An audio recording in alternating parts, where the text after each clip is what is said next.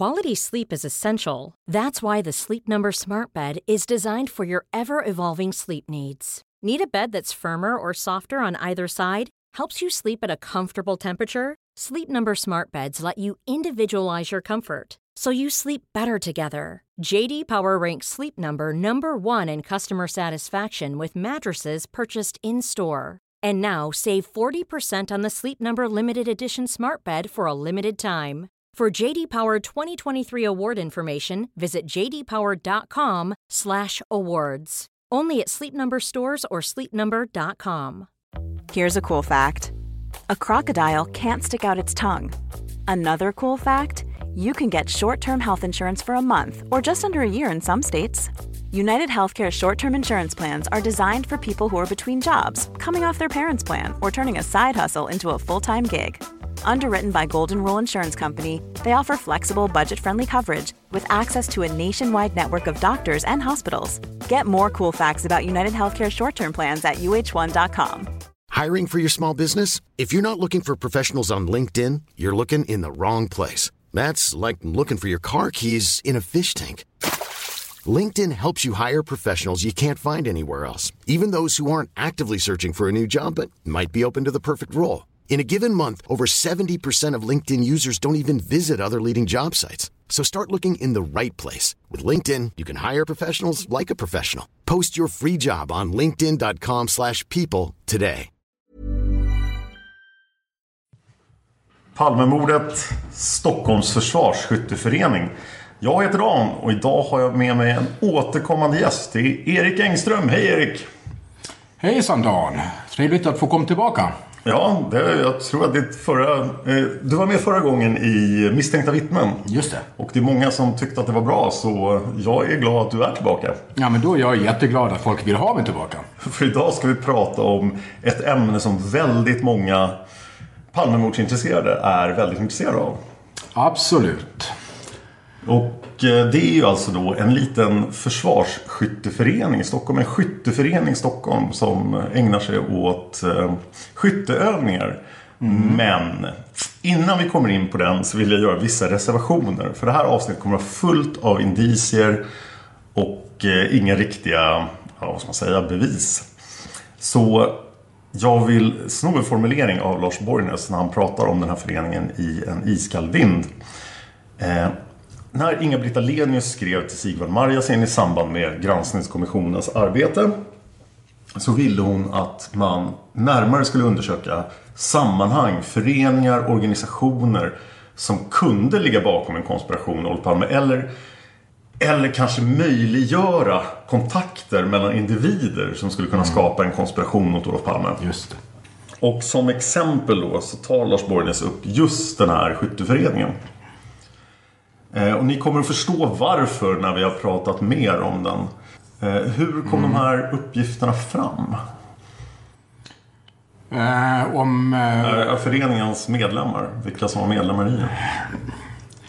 Det är väl så att... Eh, jag tror från början att det är tips som har gett eh, tips på vissa uh, the usual suspects inom polisen så att säga. Som har gett det till att det för, uh, i den här klubben.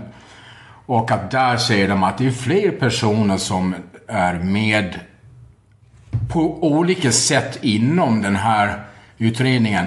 Både som tips på att de är mm, inblandade men även personer som är med i utredningen på annat sätt.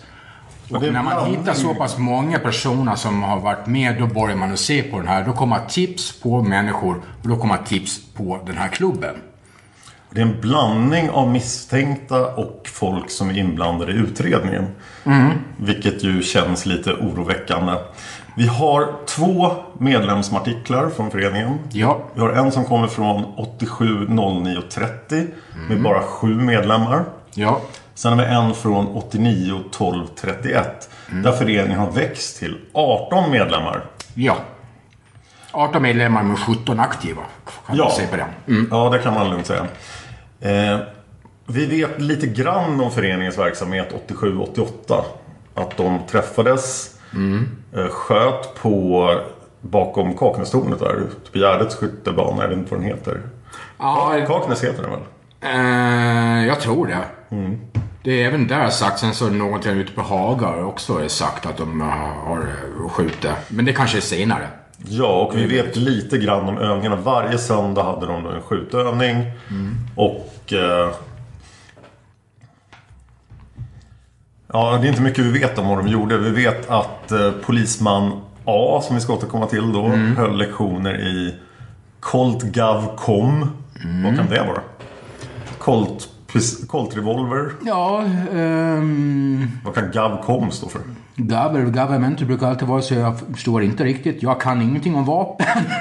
Han, sköt, han hade också skjutövningar i 30 Colt Gov finns det, eller kanske någon eh, samlingsbegrepp för en pistol. Jag vet inte, det finns säkert någon som vet mer som kan eh, skriva någonting i eh, det som kommer efter här. Ja, i kommentarerna ja. För att det här, det är ju... Det, det lilla vi vet kommer ju från skyttetermer som alla som kan Ja. Eh, polisman A höll även övningar i 38 trubb motsv. Ja, 38 är väl då kaliber 38. Är det Skulle jag på. kortpip i 38 då? Kanske. Ja, vi kan inte spekulera någonting om så vi inte riktigt... Medan polisman D hade övningar i 9 mm tjänstevapen och antagligen Sig Sauer. Ja, skulle på. Så ja, det är ungefär hade det vi vet. de... Ah, ja, skitsamma. Eh, Sig Sauer, eh, jag vet inte, hade den kommit in i polisen då? Ja, det var ju polisman A som låg väl... bakom. Ja, just det. Det var, det var nog 84-85 som han plockade in den, ja. Det stämmer. För han, eh, ja, det var han som eh, fick uppdraget att hitta nya vapen till... Ja. Och det är väl den som han används idag, så vitt jag har förstått. Ja, det Six, Six Hour 235 tror jag den heter, va? Det är nog nuvarande tjänstevapen hos svenska polisen. Man kan ju notera att det finns ett antal medlemmar här som är poliser. Ja. Ett antal medlemmar som är från Försvarets materielverk. Jo. Och ett antal medlemmar som är militärer. Det är ganska få medlemmar som inte passar in på någonting av det här. Nej, det, det är väl inom de kopplingarna och eh, sen så är de som Försvarsmaterielverk verkar inte vara de som är civilanställda utan de har också militär bakgrund. Aha. Eh, känns det som. Eh, när vi kanske går in lite mer på det. Jag, Ja, vi kommer att gå in på var och en av medlemmarna här. Vi kommer att maskera deras namn och jag vill än en gång påpeka att vi inte anklagar någon för någonting här. Nej. Utan det vi gör i det här avsnittet är att vi går igenom medlemsartikeln och vi ser om de här personerna har förekommit i Palmeutredningen jo. eller något annat intressant sammanhang. Vi har lite mer information från 89 och 1231. Då vet vi även vilka roller, vilka förtroendepositioner folk har i föreningen. Och ordföranden 89 och 1231 är Sverker U. Sekreterare slash förvaltare är Per A. Vi ska prata om alla de här. Skjutledaren är polisman D. Och när jag säger polisman A eller polisman D, då är det alltså benämningarna från granskningskommissionens Ja. rapport. Och utbildningsledare är Torsten W. Ja. Och med det sagt så tänkte vi nu dra igenom samtliga medlemmar. Ska vi börja med medlemslistan 87, 09 30 då, när föreningen är liten? Eh, vi kan också konstatera att vi inte vet när föreningen bildades. Nej, och eh, till och med eh, den som, som du nämnde här som var ordförande, Sverker U, inte eh, som var ordförande mellan 89 till 94 tror jag, var ordförande här i 89, det medlemsregister vi har. Han vet inte heller om de var när det egentligen allting startade. Nej, vi kommer även att ta upp en intervju med Sverker U senare i avsnittet. Där han då konstaterar just att han inte vet när föreningen startade. Men föreningen kan mycket väl ha varit verksam eh, i februari 1986. Ja, eh, det kan mycket väl vara, men kanske inte som registrerad förening. För det är det som vi har på det här pappret, eh, medlemsregistret ifrån 89. Det är ifrån Svenska Pistolskytteförbundet. Va? Okej. Eh, så den är, eh, den är alltså ett eh, officiellt register. Det är 89. Det här från 87 verkar inte vara ett officiellt register ifrån Pistolskytteförbundet. Aha. Vet man om... Därför vet man inte om det var, kanske var en förening som inte var registrerad 86. Det är det man inte vet, men förmodligen var den inte registrerad. Okej. Vet man om Stockholms Försvarsskytteförening har tävlat? Ja, Eh, hur gick det för dem? eh, det vet jag inte, men de har tävlat, men om de tävlar... Eh, 89 har de fall tävlat. Det senaste jag såg var faktiskt 2001. Jaha. De hade tävlat någonting och det var eh, ute i Tyresö de hade tävlat faktiskt någonting. Och där var det i alla fall två stycken som komma 89 var med. Eh, Fortfarande? det, ja, det, och tävlade och kanske inte hade de bästa placeringarna. Men i alla fall, det var, de, det var, tio stycken Då där. börjar det bli gamla. Ja, vi vet eh, att föreningen försvinner från... Eh, namnet försvinner 2006. Eh, men Vi vet alltså vad vi har hört i alla fall. Det, det finns ingen officiell statistik på att de gör det, men vad vi har förstått från det som eh, finns en intervju. Ja. Så att det ska vara 2006, säger en person, för att han har inte hört talas om dem efter. Och det finns en uppgift från den fantastiska källan Flashback som säger att eh, föreningen bytte namn 2008 och är aktiv även idag som under namnet Mälardalens Skyttesällskap. Och det Så om är- det finns några medlemmar i Mälardalens Skyttesällskap som vill ge oss mer information så är ni välkomna att göra det. Men nu ska vi ge oss in på medlemmarna. Nu ska vi se. ja. Och den första vi ska prata om då är Polisman A. Polisman A har jag lagt upp som ett eget spår på Patreon.com Palmemordet där man då kan sponsra den här podden. Och tanken med det här spåret och med det spåret just att vi gradvis ska komma in på polisspåret. Nästa steg i polisspåret är alltså Polisman A. Så han ska ha ett helt eget spår. Vi ska prata jättemycket om honom. Det finns otroligt mycket att säga om honom. Hur skulle du sammanfatta honom kort? Hans Eh, intresse i Palmeutredningen. Det var ju eh, som jag vill allihopa som är intresserade utav utredningen oavsett om man, eh, vilket spår man tror på så har man kommit i kontakt med den här personen. Eh, Polisman A är alltså granskningskommissionen. Ska vi lägga till att Ja. eh, eh, Borgnäs och Braski i deras program, där kallas han bara för Ö. Eh, hade, eh, var ju på du, ska ju komma in på det här senare. Men eh, personen som hade ett företag tillsammans med Major G. Ja, som I också är medlem i skytteföreningen. Som också är medlem i skytteföreningen. Och eh, avvek ifrån eh, Södersjukhuset efter en blindtarmsoperation. Eh, strax efter lunch den 28. Och det är ju omtvistat om varför. För att han var mot inrådan av läkare. Ja, läkarna sa du måste stanna kvar här, polisman A. Men han bara nej, jag står inte ut med att ligga på sjukhuset. Så han ber sig hem till sin lägenhet på Södermalm. Ja. Eh, på morddagen då, 28 februari 1986. Eh, Så att lite kort om han, men du ska ju återkomma till han lite mer. Så att Det är ganska svår uppgift att beskriva honom kort. Ja, men så att vi identifierar så att människor vet vem det är, polisman A. Ja. Nu vet ju alla vem det är när man säger det så här enkelt. Så att vi kanske... ja, man kan ju säga att det är väldigt eh, eh, bevisat att han hade sympatier eh, långt, långt till höger på den politiska skalan. Minst sagt. Det finns bilder av honom när han gör heilar på judiska kyrkogårdar. Då, Brandenburger Tor. Ja. då är man ganska långt till höger. Det är han som är inblandad i Ebbe Carlsson-affären också. Han Ja. har en väldigt jobbig husrannsakan då i samband med Ebbe Carlsson-affären. Mm. Där man hittar allehanda intressanta saker hemma hos honom. Bland annat då det här vykortet som man får skicka till sig lite mystiskt om man är en 7 dollar Patreon av den här podden. Så. Ja, som låter svinet på den andra sidan låter sig fortfarande förfäras av fantombilden. Men järnvägsspåret blir allt hetare. Sätt dig snarast i förbindelse med Enskedemannen. Ja, och det var ju bara fem dagar efter eh, mordet i alla fall. Det var 5 mars om jag inte misstar mig va? Oj, jag visste faktiskt inte datumet. Nej. Nej, jag har för mig det. Eh, mm, Okej, jag reserverar mig. Hade Martin, men Jag har ens för kommit? mig att det Ja. var ganska...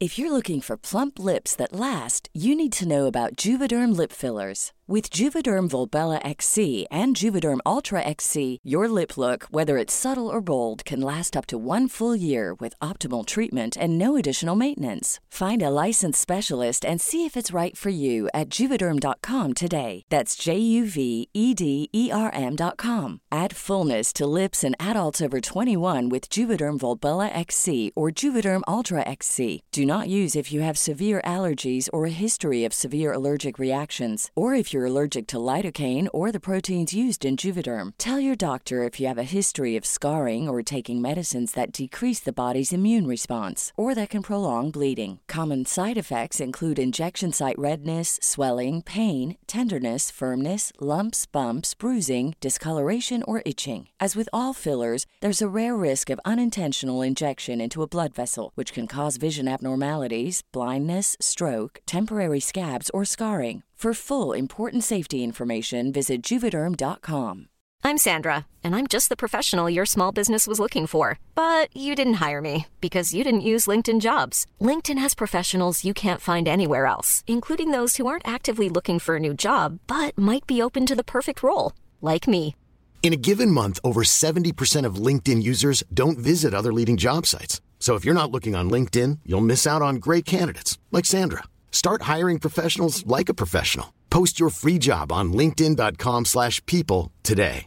Normally, being a little extra might be a bit much, but not when it comes to healthcare. That's why United Healthcare's Health Protector Guard fixed indemnity insurance plans, underwritten by Golden Rule Insurance Company, supplement your primary plan so you manage out of pocket costs. Learn more at uh1.com. Var det precis när Fantombilden kom? Ja, måste ha varit. Nej, det måste väl vara in... Nej, jag vet faktiskt inte. För tågbilden var... Nej, jag kan inte svara på det på rak arm. Jag har inte de uppgifterna här så att... Eh, nej, just när Fantombilden kom var den 6 mars. Okej. Så det är svårt att fortfarande förfäras av Fantombilden den femte. Vi eh, lämnar Polisman A här. Men som sagt, vi ska prata jättemycket mer om honom. Men han var eh, en utav de som jag har förstått, en av de som startade den här klubben. Så har jag förstått det i alla fall. Ja, det, det uppfattar jag definitivt Ja. som. Eh, och extremt intresserad av vapen. Skjuta vapen, handla med vapen, prata om vapen. Vapeninstruktör vid polisen också för den delen. Stämmer bra det. Och också en, eh, en väldigt respekterad person av många andra poliser. Bland annat polisman D.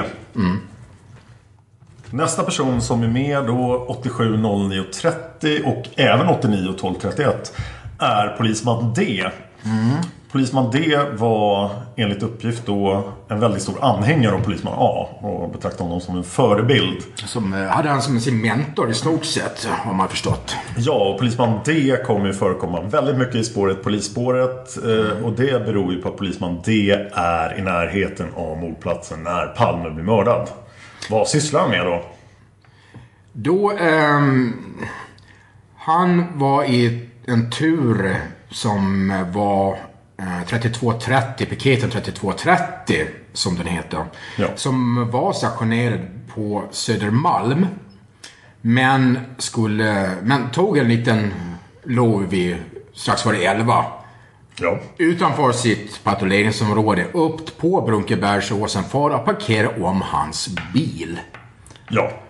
För polisman D bodde i hörnet David Bagares Regeringsgatan. Precis. Eh, då, mm, nu ska jag se om jag... Eh, I hörnet i alla fall, precis. Jag tror det är David Bagares gata 14, tror jag. Ja, vi har gjort en video faktiskt Ja, som ligger på Youtube-kanalen Palmemordet där vi pekar ut ungefär var polisman D bodde. Nej, men det, det, ja, men det hörnet, eh, Regeringsgatan, eh, så att säga. David Bagare på den nordöstra hörnet. Om man står norrut på eh, Regeringsgatan. Just det, av en ren slump då. Extremt nära den sista platsen observationer av gärningsmannen sker. Ja, och han parkerar om sin bil då som står på Regeringsgatan 103, vilket är två kvarter bort. Eh, För han visste på något sätt att det fanns en mycket bättre parkeringsplats. Eller han ville bara ha en annan parkeringsplats. Han vill ha en annan och eh, där har vi också, jag och Dan, varit och eh, en video som ligger på YouTube. Där, med den platsen han parkerade om. Där det eventuellt kan ha varit så att han stod utanför en parkeringsruta. Just det. Det är möjligt. Ehm, och då körde han ner... Eh, ska ta, ja, han körde ner Regeringsgatan. Ut och där har man ju... eh, När man kommer ner Regeringsgatan i hörnet så har man Birger Jarlsgatan som kommer norrut. Och sen så har du eh, Tegnérgatan som går väster Ja. in. Och från Regeringsgatan svingar runt hörnet, Tegnérgatan och Tegnérgatan västerut. Och sen eh, upp Döbelnsgatan, vilket alltså är förlängningen utav Malmskillnadsgatan så att säga. Det är Döbelnsgatan. Ja. Och då kommer du upp för den backen vid Johannes kyrka på andra sidan Johannes kyrka på västra sidan om det. Och sen svängde han in. Eh, Johannesgatan är den som är eh, parallellt med Regeringsgatan och komma ut i mitten utav David Bagares. Eh, personer som, eh, personer som inte bor i Stockholm kanske tycker det här låter jäkligt Man, man kan... invecklat. Men Ja. då kom han ut på David Bagares gata och där hittade han en parkering för han ville egentligen hitta en på Johannesgatan. Jaha. Och därför han körde in där från början. Men sen så ut slapp där hittade... eh, alla renovationsarbeten, renoveringarna och byggarbetena som pågick på David Bagares. Ja, eh, jag vet faktiskt inte men det var för att eh, han bodde ju i området då som sagt var så att jag tror att han visste att bästa chansen att hitta en parkeringsplats var på Johannesgatan. Ja. Men där hittade han ingen så därför kom han ner på David Bagares gata och hittade parkeringen som är den absolut mest perfekta någonsin han kan ha för det är Ja, vad kan det vara? Åtta meter ifrån hans lägenhetsdörr Det är ungefär. jättebra. Och det, och det är ju det som är lite omtvistat. Hur kan det komma sig att han parkerade där? Och man kan konstatera också att den vägen han kör med sin parkerade bil, eller när han parkerar om bilen då, eh, är väldigt parallell med vägen som Olof Palme och Lisbeth går från bion. Ja. Men att han eh, kör ju den innan. Ja. Innan eh, Palme... Vet man var 3230 står parkerad, piketen? Nej. Eh, jag har eh, läst vad granskningskommissionen säger och eh, så vitt jag har förstått så... Eh, det står ingenting helt klart men vad jag kan förstå är att de följde efter när han körde. Jaha. Jag antar det i och med att de måste fram till hans parkerade bil på Regeringsgatan 103. Vilket är 100 meter ungefär längre fram. Jaha. De följde efter och körde efter. Jag antar det för att Regeringsgatan norrut, eller Regeringsgatan överhuvudtaget är enkelriktad norr. Ja. Så de kan inte gå fram och åka där och släppa av han och ta en annan väg än den vägen han tar. Nej, det blir svårt. Eh, Vi kan ju konstatera också, som vi gjorde i Lisbeth del 1, att det finns alltså bara tre piketbussar i Stockholm. I Stockholms innerstad. Två är på Norrmalm och en är på Södermalm. Det här är alltså den enda piketbussen som ska patrullera Södermalm en fredagkväll efter löning. Men den är inte där, utan den har gjort den här utfärden till området misstänkt nära mordplatsen. Mitt under då brinnande polistid verkligen. Det måste väl vara de jättemånga piketingripanden som sker just en sån här det, det fredagkväll. här är väl säkert någonting du återkommer mer i Ja, vi ska inte- polisspåret. Men, men eh, bara för det här att säga, jag reflekterar över det bara att klockan 11 en löningsfredag ensam paket på Söder förmodligen. På den tiden var det ganska mer oroligt runt Mariatorget Okej. än vad det är idag. Det var, ja, det var mer eh, droger så vitt jag har förstått runt Mariatorget. Ja, man tänker direkt på Idag, Medborgarplatsen. ja, idag tänker ja. du Medborgarplatsen. För Medborgarplatsen har idag har de en uppstående piket som alltid står där. Jaha. Ehm, eh, sån här oros eh, sak för, för människor som kan komma. Så de har alltid en paket stående på idag för att eh, få bort också eh, avskräckande för knarket och för att människor ska kunna komma Jaha. och fråga. Jag tror att de ena har kvar det, de började med det här för några år sedan. Men som helst, att stick iväg då, vid den tiden, sex poliser ifrån sitt eget patrulleringsområde när det är som mest fylleskallar ute och dra iväg ifrån sitt ställe. Det är att de inte har fått med skit för det. Det Ja, det är märkligt. Ja, det är märkligt. Det är Dessutom, det fanns ju förstås vanliga, inom citationstecken, polismän på Södermalm. Men om de hamnade i något reellt problem, då hade ju de möjligheten att kalla på den piketen. Ja, Men då var alltså piketen inte där. nej. Och det tar... Fanns väl en... Jag vet inte hur det såg ut 86, men eh, tunneln fanns väl ännu, ändå då. Det kan säkert folk... Du kanske vet? Nej, jag vet faktiskt inte det. Jag skulle, jag skulle spontant säga att den inte fanns då. Nej, jag är också nästan det. Att det är inte tunneln som kom upp vid, eh, som du kör vidare, som kom upp på Mäster Samuelsgatan, eh, Regeringsgatan hörnet va? Okej, så det tar, det tar några minuter att komma till Ja, Södermalm. om inte den fanns då, då måste du alltså genom Gamla stan istället. va? Oj. Och då är det ännu värre. Vi lämnar polisman D där till vi kommer till polisspåret där vi ska prata mycket mer om honom. Men nu har folk förmodligen förstått vem, han, vem vi pratar om. Och... Ja. ehm, nej, eh, det räcker så. Det andra kommer i polisspåret. Då. Ja. Nästa person som är med i Stockholms Försvarsskytteförening 1987 är då en militär vid namn Ingvar G. Är väl kallat för Major G faktiskt. Om Ja. det var hans befattning, om han var major då, det vet vi inte. Han blev major senare, om han inte redan var det, 1986. Men han går under benämningen Major G i alla fall. Han har ett intressant jobb 1986. Kan du berätta mer om det? Ja, eh, nu har jag inte exakt de datumen i huvudet, men han var i alla fall sju veckor blev, var han, jag kan säkert räkna ut det, men eh, eh, anställd som eh, säkerhetsansvarig eller säkerhetschef på Televerket Radio I Stockholm då, eller hur? i Stockholm låg, eh, man säger att vid Liljeholmen, men det är närmare bestämt ute i Årstaberg. Ute i skogen. Ja. Årstaberg. Ja, mitt emellan stationerna, precis ute i skogen där eh, i alla fall. Så att säga. Mellan Årsta och eh, Liljeholmen. Och det är en säker, säkerhetsklassad tjänst, eller hur? Det är en, den högsta säkerhetsklassade tjänsten. Det finns ju tre stycken olika säkerhetsklasser inom säkerhetstjänsten. Okej.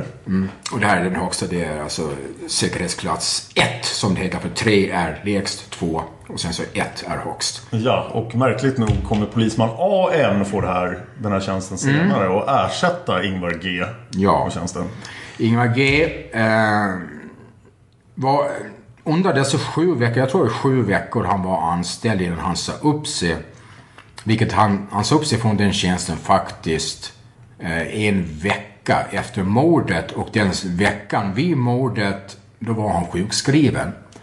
Och veckan innan, ta det här med att det är i alla fall att, inte helt säkerställt, men det lutar åt det hållet att under den veckan eh, när Palme sköts, alltså eh, den 21 till den 28, så är, ska han ha varit i Alperna någonstans med familj.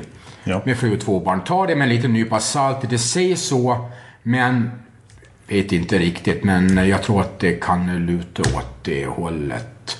Ja.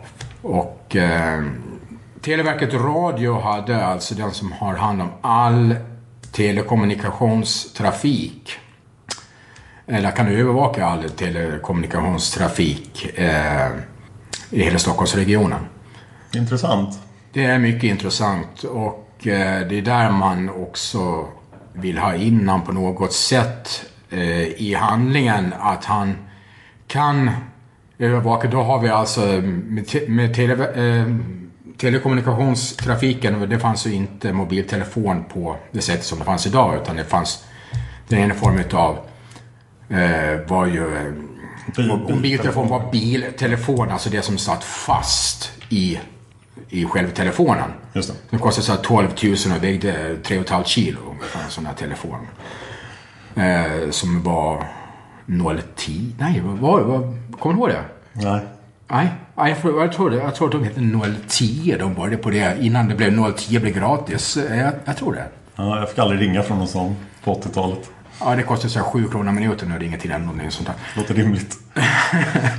Ja, men ehm, den trafiken alltså med eh, ehm, med den mobiltelefontekniken som fanns på den tiden Och eh, walkie-talkie eh, överföringen så ser den eh, trådlösa där. Ja. Och eh, även att man kan eh, all, ja, all övrig som, även te, som är eh, Televerket Ja. har alltså all slags eh, vanlig telefoni. Har de alltså tillgång till eh, på den tiden. De och eh, FRA hade väl det också i viss mån. Men eh, det styrde därifrån. Televerket Radio ute i Årsta där då. Intressant. Ingvar G hade ju en ihop det med Polisman A på ett helt annat sätt. De var nära vänner. Ingvar G är också med och heilar på lite bilder tillsammans med eh, Polisman A. Polisman, ja just det. Bland annat på både Guitar när de står Ja, och heilar. intressanta turistbilder att ta. Men eh, Ingvar G och Polisman A är också affärspartner. De drev ett antal företag tillsammans eh, med fokus på då vapenhandel. Ja. Och just vid mordtillfället så har de ett märkligt bolag. För att senare kommer de bilda eh, Strateg Protector och Strateg Defendor. Men 1986 har de ett företag som heter EC Security. och EC Security. Den enda verksamhet någon har kunnat hitta på det bolaget är att bolaget hyr en lägenhet i hörnet David Bagares gata, Regeringsgatan, det vill säga samma hörn där polisman D bor. Mitt emot. Ja, mittemot ja. Precis, men i samma hörn. Samma har ni ja. Mm. Och, eh, Regeringsgatan 85A ska vi tillägga. Och det här hyreskontraktet sägs upp eh, strax efter mordet. Och, Ja, eh, det, Nej, vi, ska, vi ska nog inte Ja, säga det nej. på, för jag tror att om du hyr...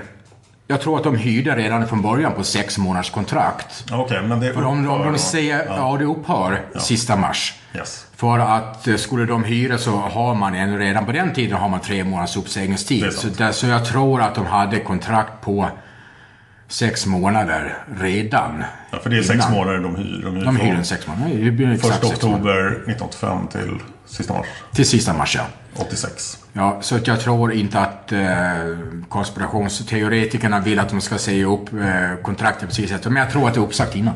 Ja, för, det att det, rimligt. för att, ja, för att det går på sin ologik annars. Tycker jag. Ingvar G har aldrig varit misstänkt av Palmeutredningen och aldrig förhörts av Palmeutredningen. Jag kan aldrig tänkt mig det för att det finns ingen anledning att uh, ha han. Nej. Det finns... eh, han... eh, Han kom... Det, det, det, I och med att eh, han... Det är eventuellt så här att de skulle kunna kolla alibit och är det nu så här så det som sägs att han var i Alperna. Ja. Då, då nöjer man sig med det. så Ja, det lär Och då får man det förmodligen ifrån polisman A. Eh, att man får det att han var där, sen kollar man det och sen så är det inte mycket mer att göra Ja. åt. Eh, så att eh, om någon hittar någonting med att han verkligen var där i Alperna så kan man ju skriva det i kommentarerna, tack. Ja, Ingvar G är en spännande person nu, nu, nu tar jag din roll helt plötsligt. Ja, det är bra. Det är helt okej. Eh, Ingvar G kommer förstås att återkomma i spåret Polisman A och eh, förmodligen nämnas en hel del i polisspåret också. Den fjärde personen som var medlem i Stockholms Försvarsskytteförening 1987 var Per A. Vad kan du berätta om Per A? Per A. ehm, det vi säga, han jobbade på eh, Försvarsmaterielverk som eh, vapenupphandlare. Heter det väl. Eh, uppköpare. Mm, heter det väl egentligen tror jag. Om jag ska vara ärlig. Alltså som eh, vilka vapen det ska vara och eh, offerter och eh, sånt antar jag. Ja, jag har en uppgift här på att eh, Per A och Sverker U, då han som var ordförande för föreningen 1989, var inblandade i utprovningen och inköpet av AK5 och Just det. PS90 till försvaret. Just det, det har jag också läst ja. Mm. Ja.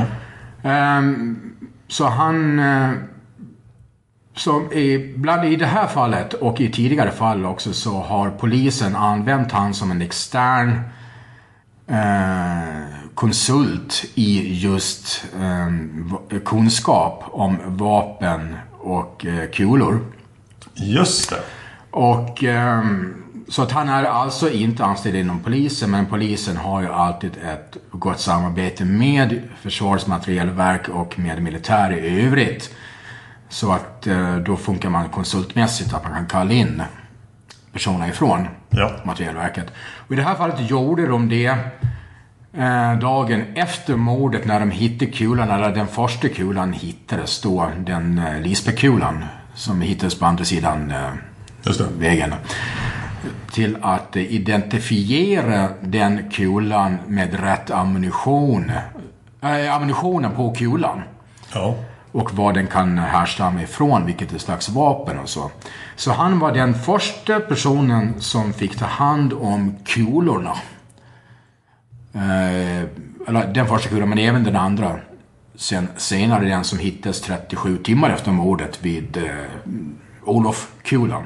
Märkligt nära mordplatsen. Mycket synnerligen märkligt för de har redan varit där ett helt gäng att eh, sweepat där rejält i, vad håller de på i, sju timmar, sex eller sju timmar dagen efter. Ja, och de hittar inte kulan men eh, senare hittar en privatperson kulan och Ja, en eh, mamma och, eh, eller en mamma och med en litet barn som hittade den tillsammans. Ja, så här är vi nu alltså den första personen som verkligen är inblandad i Palmeutredningen från Stockholms försvarsskytteförening. Ja, precis. Ehm, mm. Som att gå in i, gå in i Palmeutredningen direkt, ja. ja. Det var han och då i egenhet utav eh, vapenexpert. Eh, och då undrar folk varför kunde man då använda de vapenexperter som de själv hade här i eh, Polisman A till exempel. Ja, Polisman A var sjukskriven. Ja. Ja, Eh, Och senare hamnar kulorna hos- hos SKL. Eller det, vad det nu hette 1986. Ja, då hette det väl SKL. Okej. idag det inte heter SKL längre. Ja. Per A har även eh, varit med och skrivit instruktionsböcker i krypskytte. Ja. Eh, Och enligt uppgift så heter en av de böckerna Ett skott, en död. Men där kan jag ha fel. Eh, Han hade även en skyddsklassad anställning. Men vi vet inte vilken skyddsklass han hade. Eh, Måste vara ganska hög ändå. ja, det är antingen eh, ett eller två. Eh, det finns ju tre olika klassificeringar utav skydds, eh, skyddsklassade anställningar. Och det är ganska vanligt att ha en skyddsklassad Ja, det är det. Ehm, allting som har med sekretessbelagda uppgifter. Och det kan alltså vara allting ifrån kommunalanställda eh, anställda ner till de som jobbar inom eh, socialförvaltningen eller kanske till och med vissa som kommer inom arbetsförmedling eller någonting sådär. Till och med sånt där, något nedåt. Allt som har någonting som är sekretesslagda uppgifter. Alltså och då sekretess, då menar jag eh, som har med personers integritetsuppgifter att göra. Ja. Så jag. Och det, då, är man, då har man det skyddsklassat. Och det är... Man vill inte någonstans i, runt i Sverige säga hur många det är. Märkligt. Faktiskt. Alltså, regeringen har varit på hur många finns det. Men det vill man inte säga. Mer än 100 000 kan man anta i alla fall. Ja, jag har någonstans har jag, jag har ungefär räknat på det någonstans runt 100 000. Bör det kunna röra sig om att det är jäkla mycket kommunalt och det blir ju mer hantering runt med att, så säga, ju fler eh, vi har med att man med eh, utländska medborgare som vi tar in i det här landet, Ja. desto mer är ju med just de här sekretessbelagda personuppgifter att göra. Okej. Så därför finns det nog mer, fler och fler skyddsklassade anställningar som är skyddsklass 3 som det heter. 3 är den enklaste, 2 är mitten och 1 är den högsta. Den högsta har alltså med rikets säkerhet att göra i skyddsklassing. Så att, att någon har en skyddsklassad anställning i sig inte särskilt anmärkningsvärt då. Men kombinationen att ha en skyddsklassad anställning och vara försvar, jobba på FMV och vara ansvarig för upphandlingar eh, gör att det då är lite intressant där. Ja, jag, jag skulle nästan tippa på att han bör ligga på den högsta rimligt. klassificeringen eh, i och med att det är FMV är också åt eh, militär och med... Eh, är ju deras främsta uppgift är militär. Eh, men med upphandlingar runt flygvapen ända ner till maskiner. All, allting som har med, med försvaret att göra. Och där måste det även vara ganska så hög eh, Ja, det- det sekretess på det på något sätt. Inte för att det är någonting som är fuffens. Utan det är med... Eh, Ja, det, är, det är i rikets intresse helt ja, enkelt. det är rikets intresse. Så det är någonstans så... Har jag, stämmer inte att Per A också är den på FMV som köper en väldig massa vapen av polisman A och Ingvar Gs senare firma några år efter mordet? Eh, ja, jag har också förstått det på så sätt att han gör det som för FNBs räkning. Just det, för det finns en del intressanta vapenaffärer där. Som Och det rör sig ganska mycket eh, miljontals stålar där. Ja. Och, eh, då, och om det var då när eh, polisman A hade flyttat till Tyskland eller inte vet jag inte. För det gjorde han ju sen, Det gjorde han sen. senare. Så vi har nu fyra medlemmar i skytteföreningen 1987. Vi har polisman A, polisman D, Ingvar G och Per A. Men det finns tre till. Den femte personen 1987 i Stockholms försvarsskytteförening är Bernt G. Eh, Palmenytt var en tidning som gavs ut av Svenna ner på 90-talet, och kanske längre än så. Eh, och han grävde i de här frågorna och han hittade verkligen nästan ingenting på Bernt G. Bernt G är en militär. Han var anställd på Svea Livgarde. Han har lett övningar för Försvarsskytteföreningen eh, på de här söndagarna då de träffades och sköts. Så ledde han övningar när de sköt 357 Magnum revolvrar. Mm. Men det är alla uppgifter vi har på Bernt G. Och han slutar även i föreningen innan 1989 och 1231. Så han finns Ja. inte med bland de här 18 medlemmarna som finns 1989. Nej, och eh, han, i och med att det inte finns så mycket uppgifter så har han väl inte tilldragit sig för mycket intresse runt omkring heller antar jag. Nej, om ni vet något mer om Bernt G så får ni gärna kommentera Mm. det också. Och då ska de först lista ut vad hans efternamn är. Ja. Nästa person är Per-Ola K. Och Per-Ola K jobbar vid polisen. Han är inte med i Försvarsskytteföreningen 1989 han är alltså en av två medlemmar 87 som inte återfinns 1989. Men han kommer att förekomma i alla möjliga sammanhang runt Palmeutredningen. Han har en bakgrund i den berömda baseballligan. Den här anti-vålds- eller anti-gatuvåldsgruppen som Hans Holmér hade satt ihop. ja, så heter det. Den kommer jag också återkomma till i polisspåret. Eh, Men Per-Ola K dyker upp lite här och där. Ja, det gör han. Ehm, Vad gör han vid, i samband med mordet? I samband med mordet så blir han eh, inkallad ganska kvickt eh, senare under natten.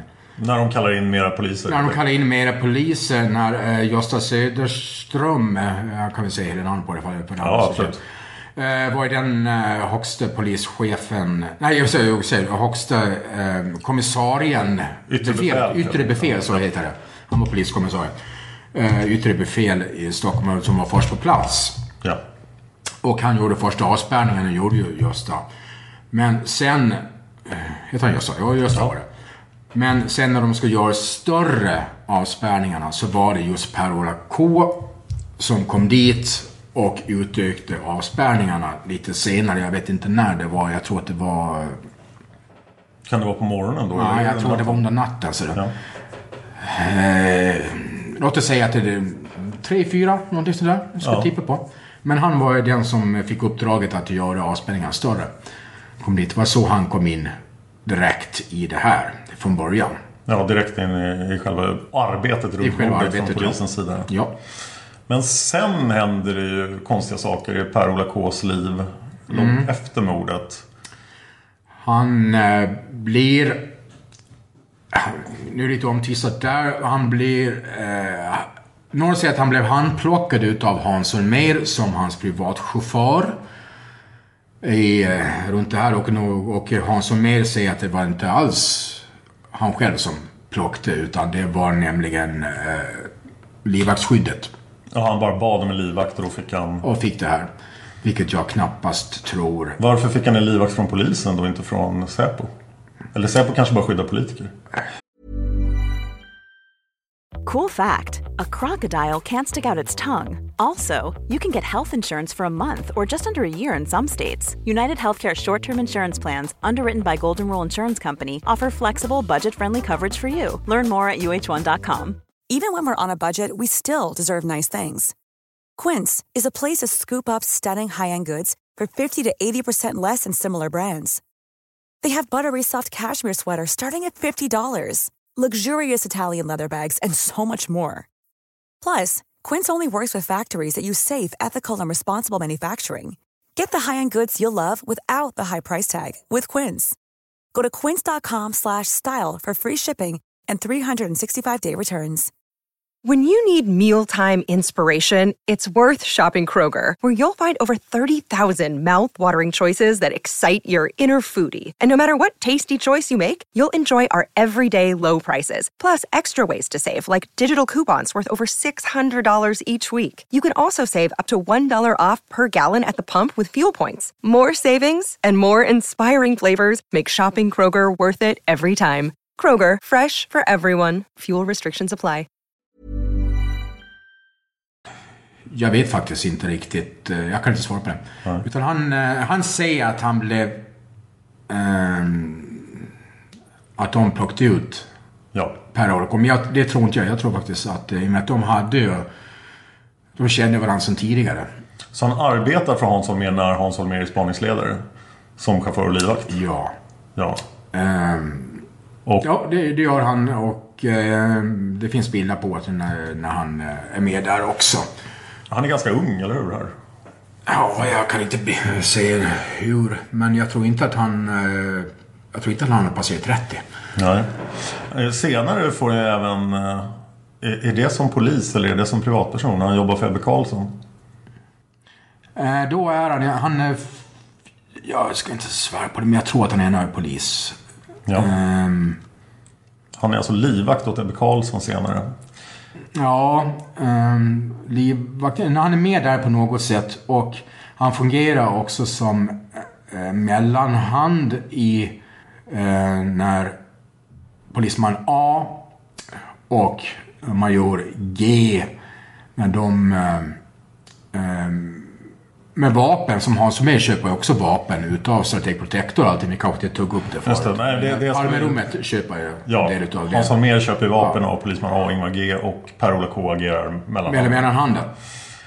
Där, eh, mellan, och eh, det gör han ju i Ebbe Carlsson-affären också. Och det är han som åker fast i tullen med eh, alla de här eh, avlyssningsanordningarna nere Ja, i den- tullen i Helsingborg. Första juni 1988 går det inget bra för Per-Ola K för då tar tullen honom när hans bil är full av illegal avlyssningsutrustning.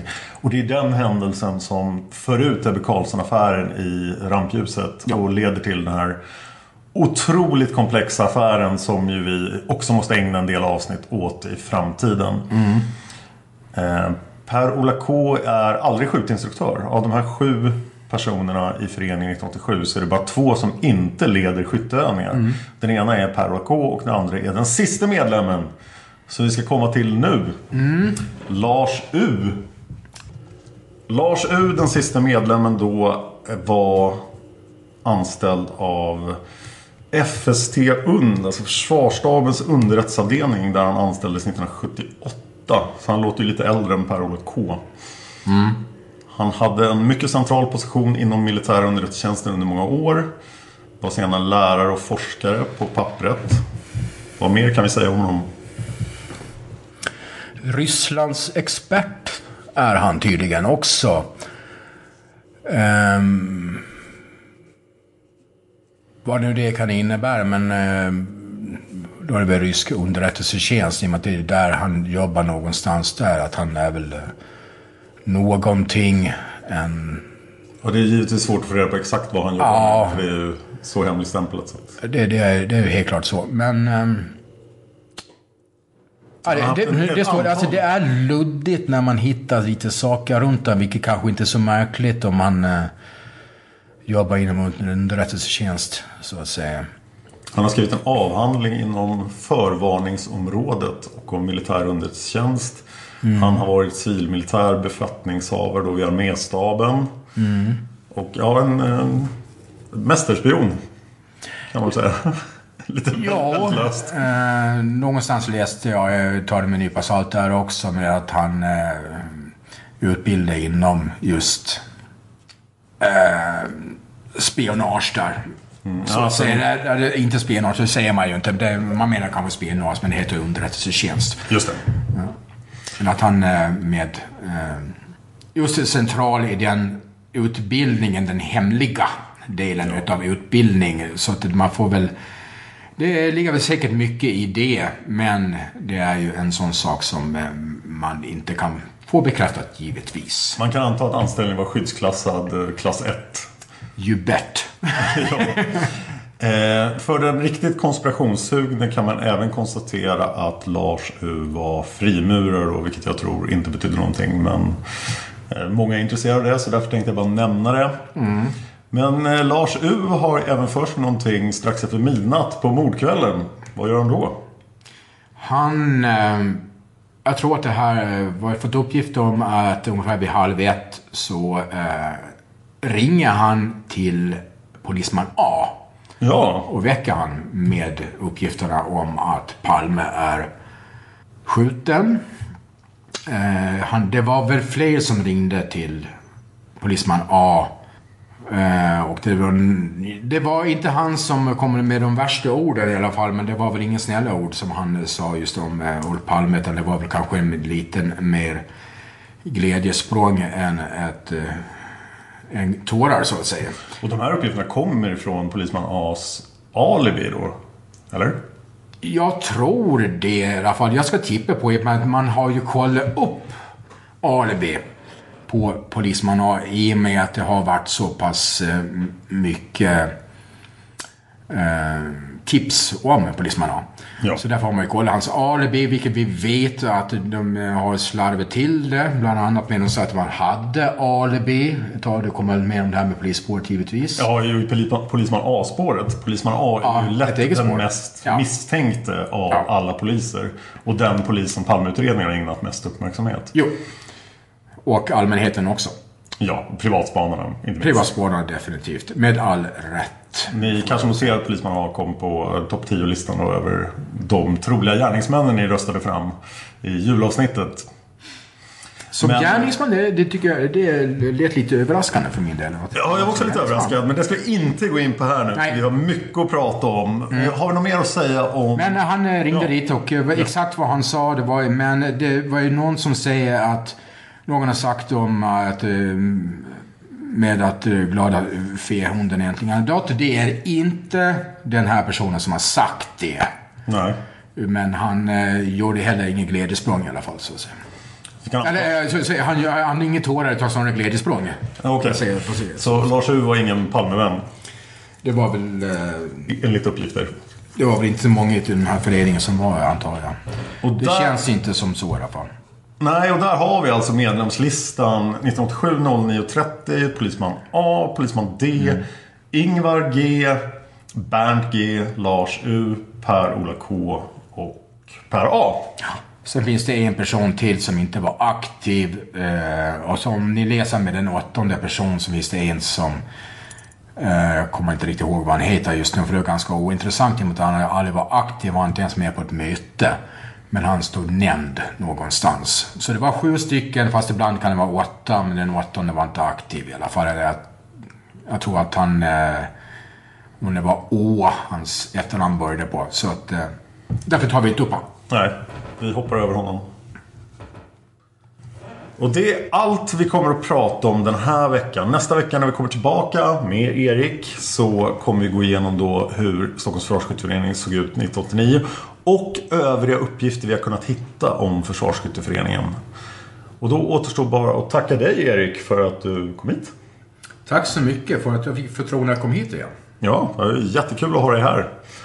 Och som sagt, kom tillbaka nästa vecka för mer av Stockholms Försvarsskytteförening. Palmemordet finns på Facebook och YouTube under namnet Palmemordet. Och Eh, Jag vet hur många det är som lyssnar, jag vet hur många som är på Facebook och YouTube. Det är inte lika många. Så att eh, gå till YouTube, Palmemordet och Eh, prenumerera där. Där finns det ett antal extra videor. Ni kan se mig och Erik springa omkring runt mordplatsen och peka på saker. Och eh, en, del, en hel del annat. Jag publicerade just en, eh, det här reportaget om Skandiamannen från april 1986. Där man kan se Skandiamannen springa.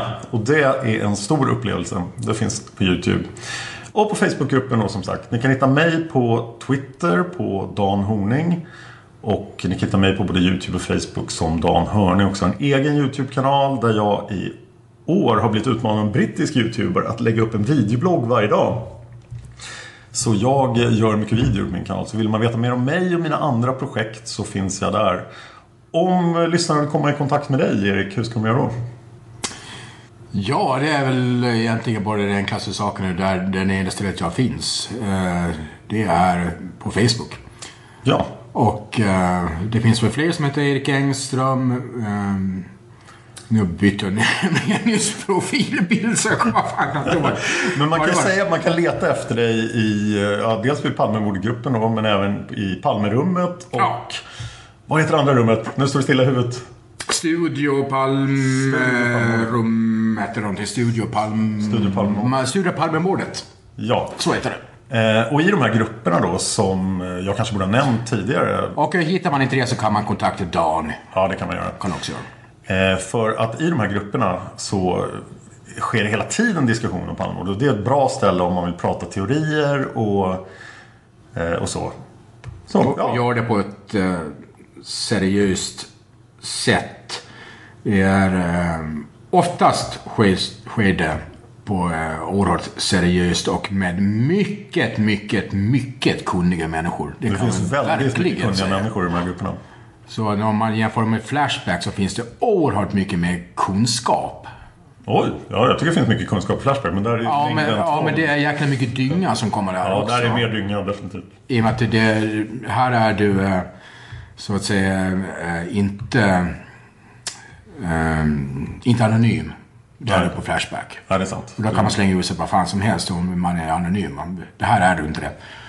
Och då är har du en helt annan femma. Så finns det de som går med fingerat namn. Men det är Ja, det, det förekommer del Men skum. så är det alltid överallt.